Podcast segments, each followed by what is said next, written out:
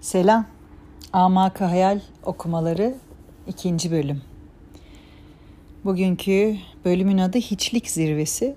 Bu arada benim okuduğum versiyon e, Türkiye İş Bankası kültür yayınlarının.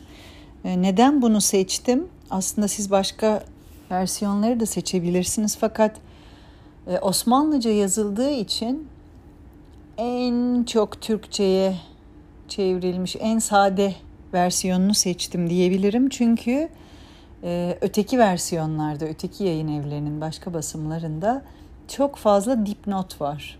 Tabii ki sesli bir okumada bütün dipnotların üzerinden geçmek uygun olmayacağını düşündüğüm için ben daha sade olanı seçtim.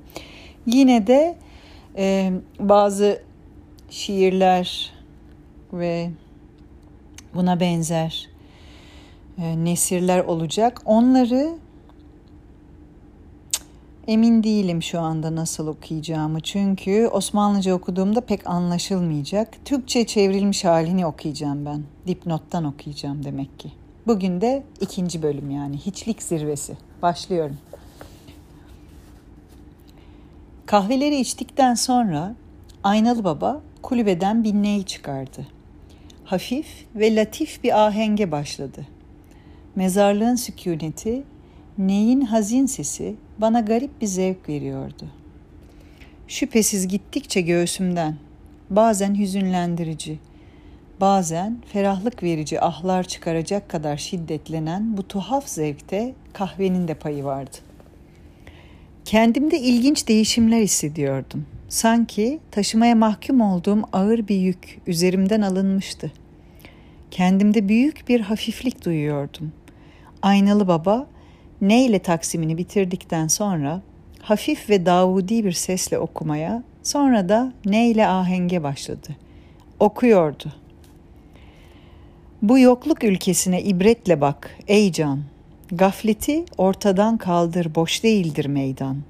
Hani Sultan Süleyman, hani İskender Han, yüz bin ömrü sevinçle geçirsen bir an, a gözüm, Dünya ne güle ne bülbüle kalır. Felek zamanın akışı kime muradınca yar olur. Bu gazelde ne mühim bir tesir vardı. Aynalı Baba bu parçayı bitirip de ne üflemeye başladığı zaman gözlerimden yaş akıyordu. Bunlar hüzün ve hayıflanma gözyaşları mıydı? Zevk ve aşk gözyaşı mıydı bilemem. Lakin çok etkilenmiştim.'' O andaki ruhi ve vicdani durumumu tarif etmem mümkün değil. Aynalı Baba okuyordu. Tamah ve hırsa uyup da nefsinle kahrolma. Rahatın kaçar, çok meşhur olma. Allah arifinin sohbetine katıl, uzak kalma. Dünya makamının saltanatıyla mağrur olma. Kendinden geçme derecesine gelmiştim. Babanın sesi pek yavaş ve adeta uzaktan geliyordu. Ney hayret verici bir latiflik kazanmıştı. Dünya zevkine aldanmadı olgun insanlar. Bildiler sonuçta her şey gölge, arzu oyun ve hayal. Dünyanın zevke benzetilmesi hele rüyaya benzer. Herkes aşkın eteğini tuttu, vuslata erdi. İşitmem pek yavaşlamıştı.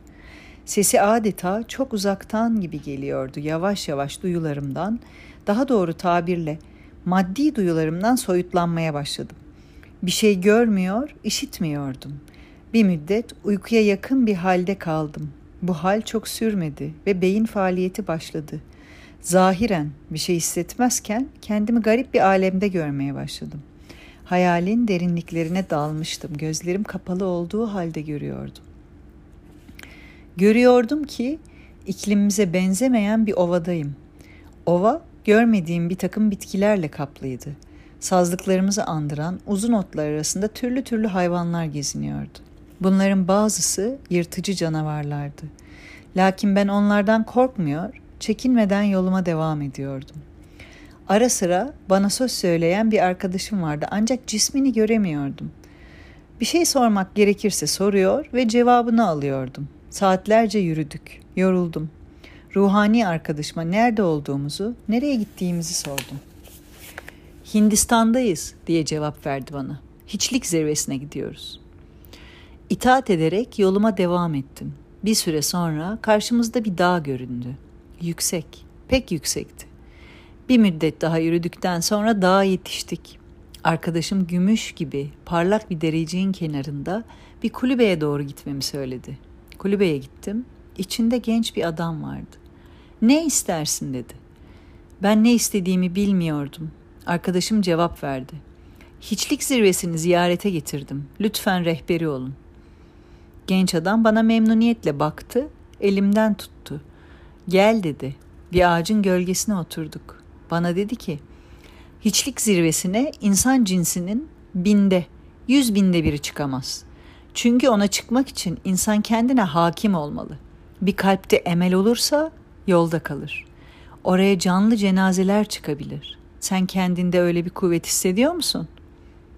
Aksine aciz ve sabırsız bir adam olduğumu, yalnız iyi niyetim bulunduğunu söyledim. Heyhat dedi. İnsanların çoğu böyledir. Hele bir deneyelim. Belki başarırız. Beni yine elimden tutarak tekrar kulübeye götürdü. Bugün burada misafirsin. Yarın sabah erkenden tırmanmaya başlarız. Şimdi vaktimizi boşa geçirmemek için biraz konuşalım dedi ve ismimi sordu. Raci dedim. Kendisine büyük bir hürmet hissetmeye başladığım bu zata sıkıla sıkıla ben de ismini sordum. Buda Gautama Sakyamuni cevabını verdi. İnsanoğlunun en büyüklerinden biri olduğunu tarihten ve bazı büyük eserlerini inceleyerek anlamış olduğum Buda'nın huzurundaydım. Olanca hürmetle kalkarak elini öpmek istedim, kaçındı. Benim içinse ben hiçim. Ben hürmetle hakareti aynı sayarım. Senin içinse yürekten sevgin yeter de artar dedi. Ertesi gün seher vakti yola çıktık. Bu da elimden tutuyordu. Hiçlik zirvesinin etekleri küremizde. Daha doğrusu küremizi sıradan bakışla seyirde görülemeyen bir letafete sahipti. Tırmandığımız yolun her iki tarafı görülmedik güzellikler sergileyen türlü çiçeklerle doluydu. İnsanı kendinden geçiren hoş kokular yaymakta, gül fidanlarını sevgi yuvası edinmiş bülbüllerin şarkı ve ezgileri insanın kalbini titretmekteydi. Üzerinde yürüdüğümüz yol pek ince ve altın gibi parlak, pamuk gibi yumuşak bir kumla örtülüydü. Bunun her iki tarafından akan latif ve mini mini ırmakların şırıltısı bir sevgilinin vuslat kucağında aşığına söylediği kesik, heyecanlı, titrek ve arzulu sözler gibi kulağı ve kalbi okşuyordu. Tırmandıkça letafet artmaktaydı. Nihayet bir köşke, daha doğrusu bir mini mini saraya vardık. Bir taraftan tırmanış, diğer taraftan hava beni fevkalade acıktırmıştı. Köşkün kapısından içeri girer girmez en nefis yemeklerden yayılan kokular burnuma bayram ettirdi. Büyük bir odaya girdik. Ortasında bir sofra kurulmuş ve içinde altın tabaklarla insanın icat ettiği ne kadar çeşitli yemek varsa hepsi konulmuştu. Bana kalsa fikrim hemen sofraya yanaşıp açlık gidermekti. Lakin bu da elimden tutuyor ve kulağıma hiçlik zirvesine çıkıyoruz. Bu yemekten yersen buradan dönmen, benden ayrılman gerekir diyordu. Aşırı açlığa rağmen emre itaat ettim. O enfes yiyeceklerin karşısında bir saat oturduk. Bu da susuyordu. Bense bir takım garip etkilenmelerden dolayı bitkindim. Bu zatın yaşayan, yemeğe içmeye muhtaç bir insanı melekler gibi aç tutmak fikrinde bulunuşuna kalben itiraz ediyordum. Nihayet birdenbire haydi gidelim yeterince istirahat ettik dedi. Saraydan çıkacağımız sırada cennet hizmetkarlarını andıran bir delikanlı huzuruma geldi. Elinde altın tepsi içinde üç tane billur kase, birinde su, diğerinde şerbet, üçüncüsünde şarap vardı. Delikanlı, efendim dedi, çıkılacak yer çok uzaktır, yemek yemediniz bari bir şey için. Pek nazikçe ve adeta yalvarırcasına edilen bu teklife hemen uyarak şarap kasesini elime aldım. Delikanlı sevinç ve memnuniyetle yüzüme bakıyor, gün doğuşunun güzelliğini andıran latif bir ışık tebessümü yüzüne göz kamaştırıcı bir dalgalanma veriyordu. Kaseyi dudaklarıma temas ettireceğim sırada bu da elime vurdu. Kase yere düştü. Bir şey söylemeyerek elimden tuttu. Çıktık. Yolumuza devama başladık. Gayipten bir ses okuyordu. Bu ses o kadar güzeldi ki yanında Davud'un sesi adeta kulak tırmalayan bir haykırıştı. Okuyordu şöyle. Ey seyahat eden avare, yürü, durma yürü. Bu alemin zevkleri seni vuslat yolundan alıkoymasın. Bu güzellikler, bu latiflikler hepsi rüya ve hayal. Yürü zavallı ziyaretçi, yürü durma yürü. Yürü ki vuslatın nezihliğinde yüceliş göresin. Yürü aslında yokluğu bul, olgunluk tavırları, budur. Yürü, gösterişi terk et, vuslat kadehinden iç. Yürü ki hiçlik alanında tecelliyi göresin. Bu sesin tatlılığından gözlerimde zevk ve üzüntü yaşları akıp belirdiği halde yolumuza devam ettik. Geceyi çimenlerin üzerinde geçirdik. Rüyasız, hülyasız derin bir uykuydu. Seher vakti kalkıp yolumuza devam ettik. Öğlen vakti karşımızda bir saray göründü. Bu saray ancak hayal sahnesinde görülebilen binalardan biri. Yani hayalin en üst seviyede yaratabileceği şeydi. Her ne yapılsa bundan daha güzel, daha mükemmel ve süslü bir bina tasavvur ve tahayyülü mümkün değildi. Oraya yöneldik. Aramızda 5-10 adım kaldığı vakit kapısı kendi kendine açıldı. Bu da dedi ki, bu saray insanların ayağının kaydığı yerdir. Bu saray imtihan sıratıdır. Sebat ve mertliğin sağlam ipine yapışanlar ancak geçer. İlerisi hiçlik zirvesidir. Lakin buradaki cana can katan gösterişe kapılanlar hayıflanma ve üzüntü vadisine düşer. Burası arzu ve emel cenneti. İlerisi ezel hiçliğinin sahası. Burası saçma gösterişle dolu bir köşk. Burası her ziyaretçisini işkencelerle mahveden bir misafirhane. İlerisi zevk ve özgürlük fezası. İlerisi alemi ıtlak ve vahdet. Burada kalanın sığınacağı yer inilti ve ah köşesidir. Öteye giden dertten elemden uzak, makamsızdır. Burada kalan arzu ve tamaha, hırs ve emele esirdir. İleri gidenin tahtı sonsuz feza, esir arsasıdır. Mert ol, aldanma, sebat et. Ben seni burada bekliyorum dedi. Ve saray bahçesinin kapısını işaret etti. Hava serin ve güzel raihalarla kokmaktaydı. Her tarafta zümrüt gibi çimenler, gösterişli çiçekler. Yolları çakıl taşı iriliğinde renk renk mücevherlerle döşeli bahçeyi geçerek sarayın kapısına ulaştım. 20-30 kadar güzellikte eşsiz, emsali hayal aleminde bile pek az görülen cariyeler tarafından karşılandım. İki tanesi teşrifat görevini yerine getiriyordu. Bin türlü hürmet ve saygıyla bir odaya götürüldüm. Sarayın olağanüstü süs ve donanımından, kızların eşsiz yüz güzelliğinden, hele kollarıma girenlerin pek müstesna güzellik ve alımlılığından şaşırmış, alıklaşmıştım. Bir taraftan gönül okşayıcı sözler söyleyen, diğer taraftan kuşların cıvıltısı yahut bir perinin şevke getiren ezgilerini andıran sesleriyle hoş geldin diyen kızlardan biri hararet ateşiyle kavrulan dudaklarıyla bir kase yaklaştırdı. Düşünme gücüm uyuşmuş bir halde içtim. Buz gibi soğuk, bildiğim meşrubatın hepsinden enfes ve lezzetliydi. Adeta yeniden hayat buldum. Derhal bohçalar getirildi, içlerinden süslü zarif ipek havlular çıkarıldı. Teşrifatçılarım mini mini elleriyle elbisemi çıkardılar. Odaya bitişik bir salona, oradan da bir hamama alındım.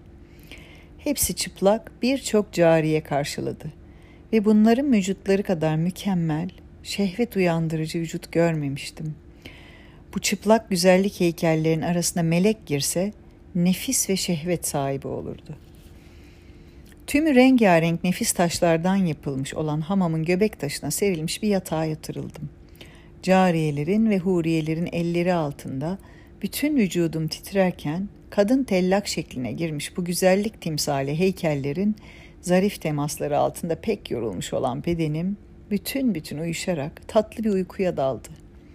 Uyandığım vakit tek kişilik bir bölmeye alınıp yıkandım.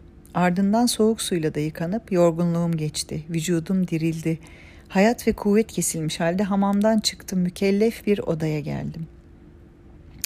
Abanoz ağacından mamül bir masaya gümüş bir tepsi kondu. Sofra kuruldu.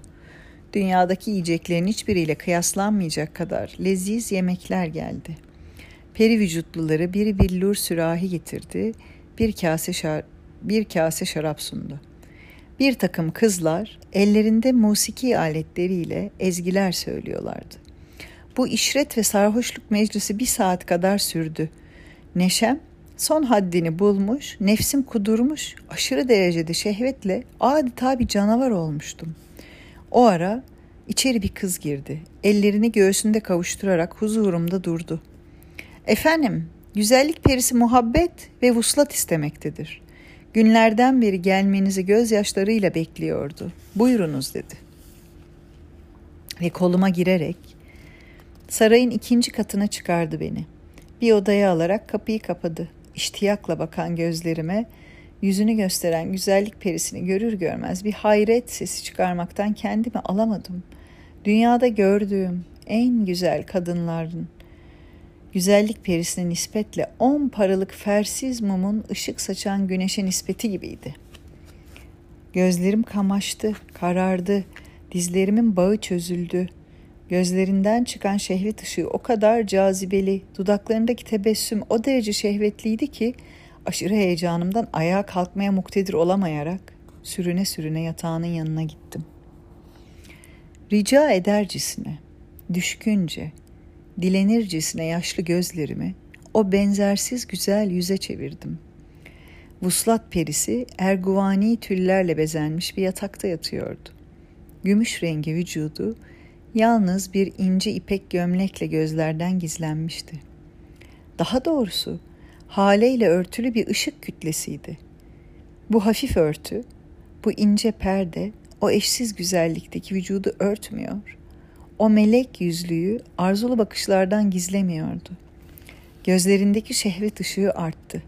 Dudakları arzu ve isteği ima eden, cana can katan bir titreyişle titremeye başladı. Al yanakları hırs ve şehvet ateşiyle bir kat daha kızardı. Kollarını açtı.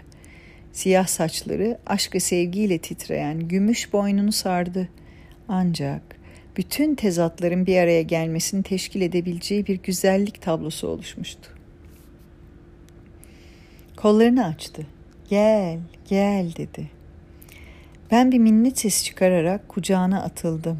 O ışıklı vücudu kollarımla sardım. Parlak yana, titrek dudakları öptüm. Uslat ne kadar sürdü? Bir an, bir an. Gök gürlemesi gibi bir ses yeri göğü inletti. Gürültülü bir deprem adeta dünyayı alt üst etti. Düşen bir yıldırım sarayı titretti. O büyük bina bir avuç toprak yığını gibi yıkıldı, eridi. Dehşetimden gözlerimi kapıldım, kapadım ve sevgilime sarıldım fakat gözümü açtığımda kendimi çirkin yüzlü bir koca karının kucağında buldum. O kadar iğrenç, o kadar tiksindiriciydi ki bir hayret ne ve nefret sesi çıkardım ve boynuma sardığı kollarını açarak kendimi kurtarmaya çalıştım.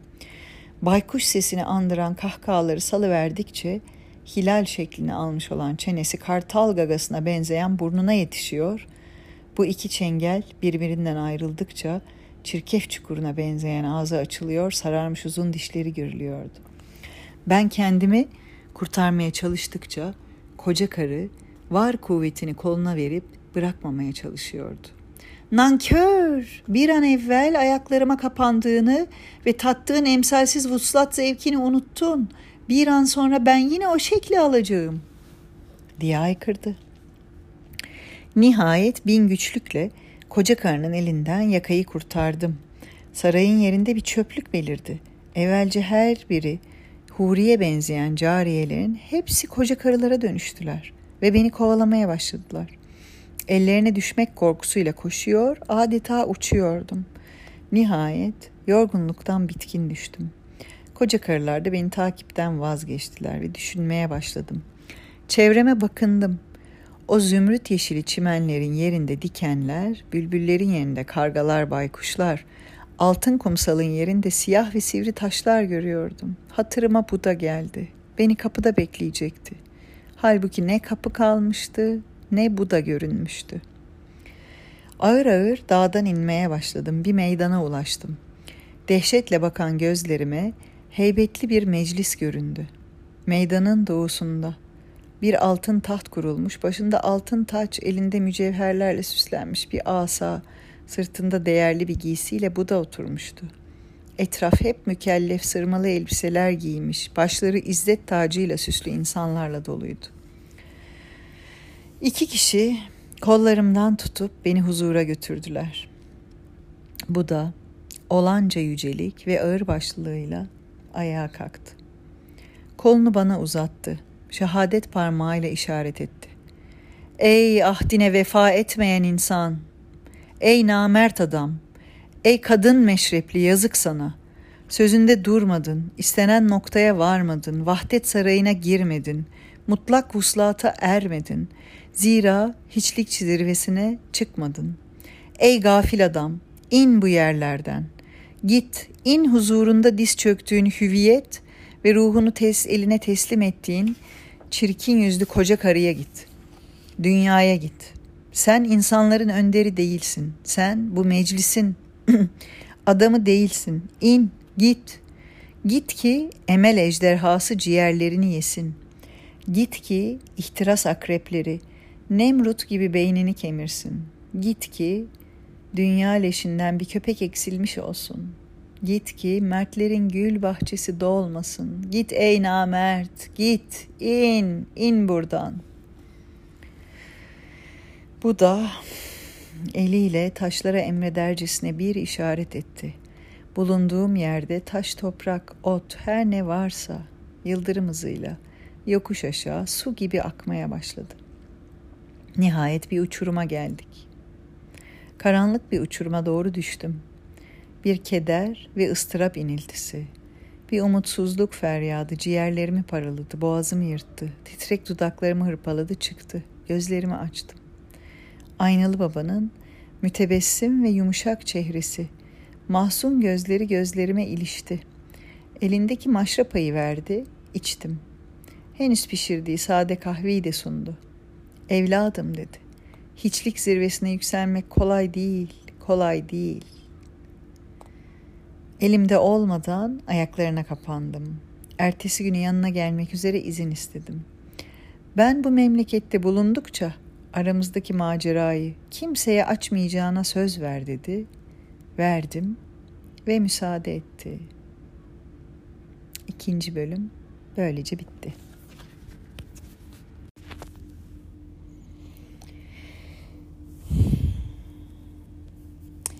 Neden kadınlar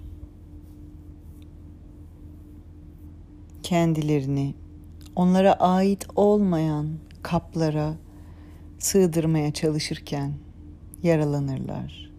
Sağa sola parçalarını bırakırlar.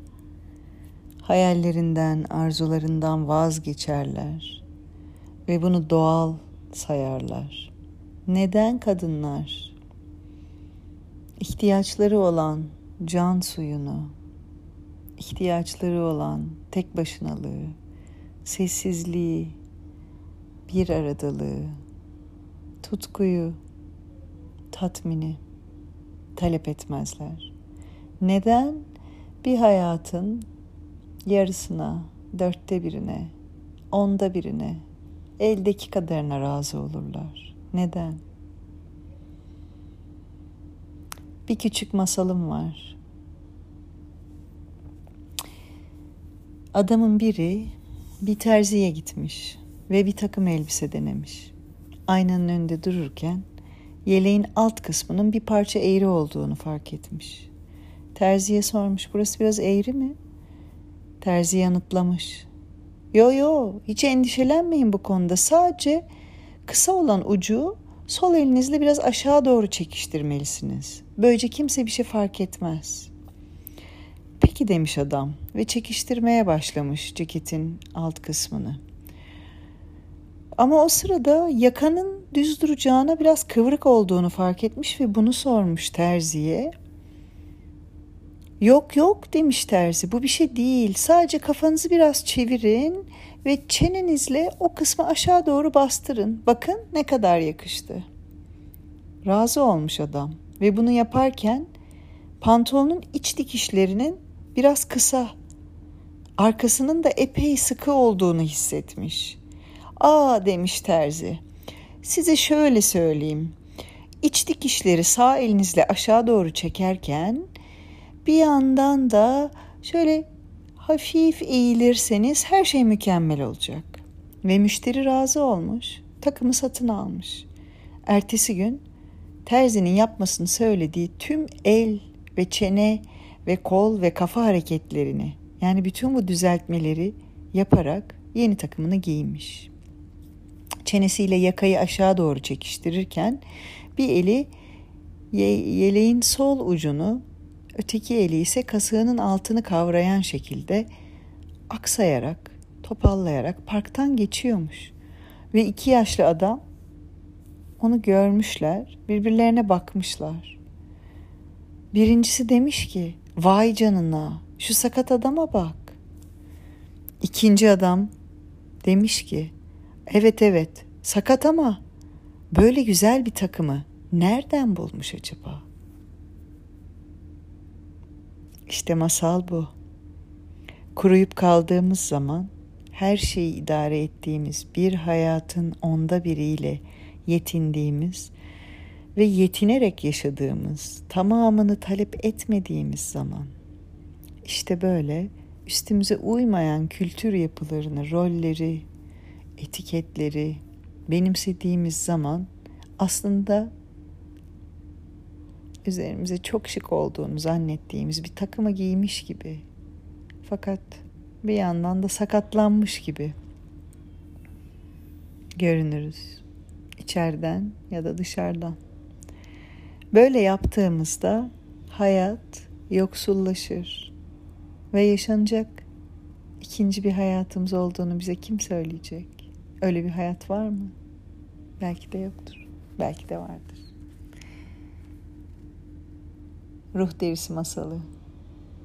Bir kadının arada kaldığı yerden herkesin her şeyi ya da kendinin her şeyi olduğu yerden sadakatinin sınandığı yerden anlatılır. İşte böyle.